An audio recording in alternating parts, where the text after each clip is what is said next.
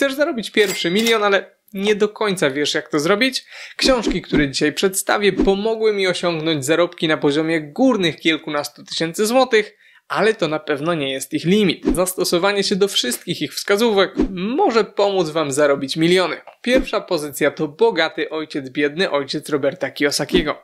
To jedna z pierwszych książek dotyczących edukacji finansowej, jakie przeczytałem i bezapelacyjnie miała duży wpływ na grubość mojego portfela. Przyda się szczególnie osobom, które nie mają bogatego wujka, sąsiada czy kolegi i nie mają łatwego dostępu do osób zamożnych, a wszystkie lekcje i wskazówki odnośnie tematu pieniędzy przekazywali im rodzice, nauczyciele oraz ogólnie społeczeństwo. Niestety, zazwyczaj są to wszystko osoby, które zatrzymały się na pewnym poziomie finansowym i część ich podpowiedzi może być nieskuteczna, a nawet szkodliwa. Postać bogatego ojca z książki Kiyosakiego, która przedstawiona została jako finansowy mentor autora, Równie dobrze może zostać waszym mentorem i pomóc wam oswobodzić się z nieprawdziwych przekonań, które do tej pory hamowały wasz rozwój. No, chyba że nie zostawicie łapki w górę dla YouTube'owego algorytmu, bo wtedy raczej nie ma już dla was ratunku. Moje kluczowe lekcje z tej książki to po pierwsze praca dla doświadczenia, a nie pieniędzy. Na początku kariery zawodowej najlepszym co możecie zrobić nie jest wcale wybieranie najlepiej płatnej pracy. Zamiast szarpać się o dodatkowy tysiąc miesięcznie, znacznie lepiej jest wybrać pracę, w której będziemy mogli się rozwijać i z czasem zwiększyć zarobki o 10 tysięcy, albo wykorzystać tę wiedzę we własnej działalności i zarabiać 100 tysięcy miesięcznie. Wiem, że dla większości osób są to abstrakcyjne kwoty, ale ludzie zarabiają tyle i więcej i co ciekawe często nie różnią się oni znacząco od ciebie czy mnie. Mając 20 parę lat, lepiej więc skupić się na zbieraniu doświadczeń i rozwijaniu umiejętności, które przełożą się na przyszłe zarobki. Kierując się tą ideologią, kilka lat temu zgodziłem się pracować za darmo, żeby tylko móc nauczyć się czegoś o inwestowaniu w nieruchomości. Co prawda trwało to jedynie chwilę, bo szybko zostałem zatrudniony, ale mimo wszystko myślę, że to właściwe podejście. Książka uczy też na co warto wydawać pieniądze, a na co nie. Wprowadza pojęcie aktywa jako czegoś, co wkłada pieniądze do naszej kieszeni oraz pasywa, czyli wszystkiego, co jest z naszej kieszeni wyciąga. Tym samym przekazuje ogólne zasady dotyczące podstaw inwestowania, a szczególnie inwestowania w nieruchomości. Osobiście poznałem wielu inwestorów, którzy zarobili setki tysięcy złotych w nieruchomościach, a którzy wskazują tę książkę jako coś, co pchnęło ich w kierunku świata inwestycji.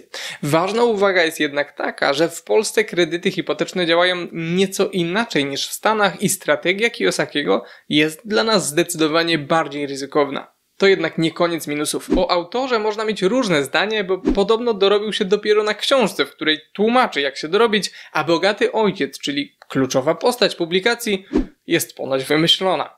Bez względu na te kontrowersje oraz to, czy lubimy autora, czy nie, ja osobiście nie jestem wielkim fanem. Książka jest zdecydowanie warta przeczytania. Druga książka to Fastlane milionera MJ'a DeMarco i jest to jedna z lepszych publikacji, jeśli chodzi o budowanie majątku i inteligencję finansową.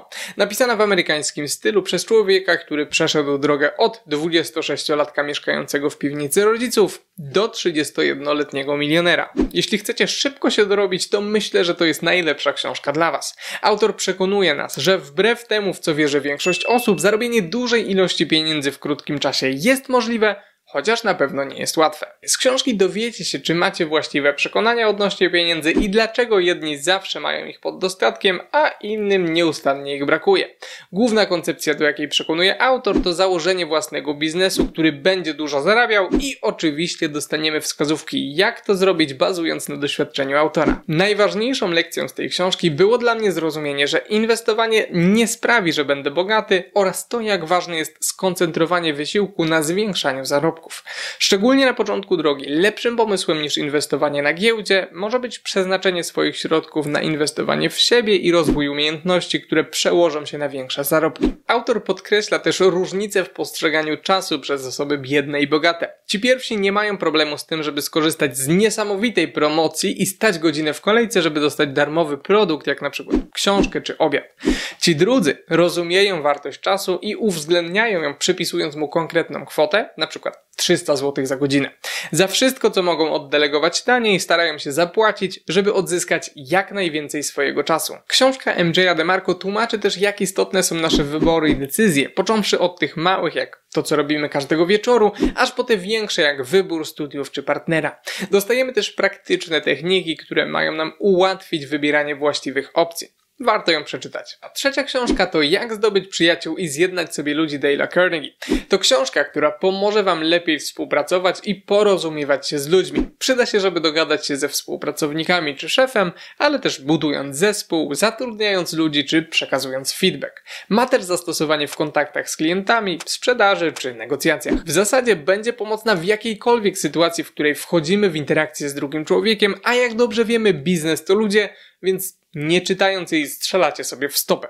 Dodatkowo będzie ona miała bardzo szerokie zastosowanie w relacjach zupełnie prywatnych, więc ta książka to must read dla każdego, a nie tylko aspirujących milionerów. Jeśli chodzi o praktyczne wskazówki, jakie z niej wyniosłem, to część z nich jest banalna, jak na przykład fakt, że warto się uśmiechać, czy że najważniejszym słowem w słowniku drugiej osoby prawie zawsze będzie jej własne imię i naprawdę warto trochę się wysilić i zapamiętywać imiona innych. Jest w niej też kilka kilka mniej banalnych lekcji, które z niej wyciągnąłem i które wy również koniecznie musicie poznać. Na szczęście książka jest tak dobra, że dostała oddzielny odcinek, na który serdecznie was zapraszam.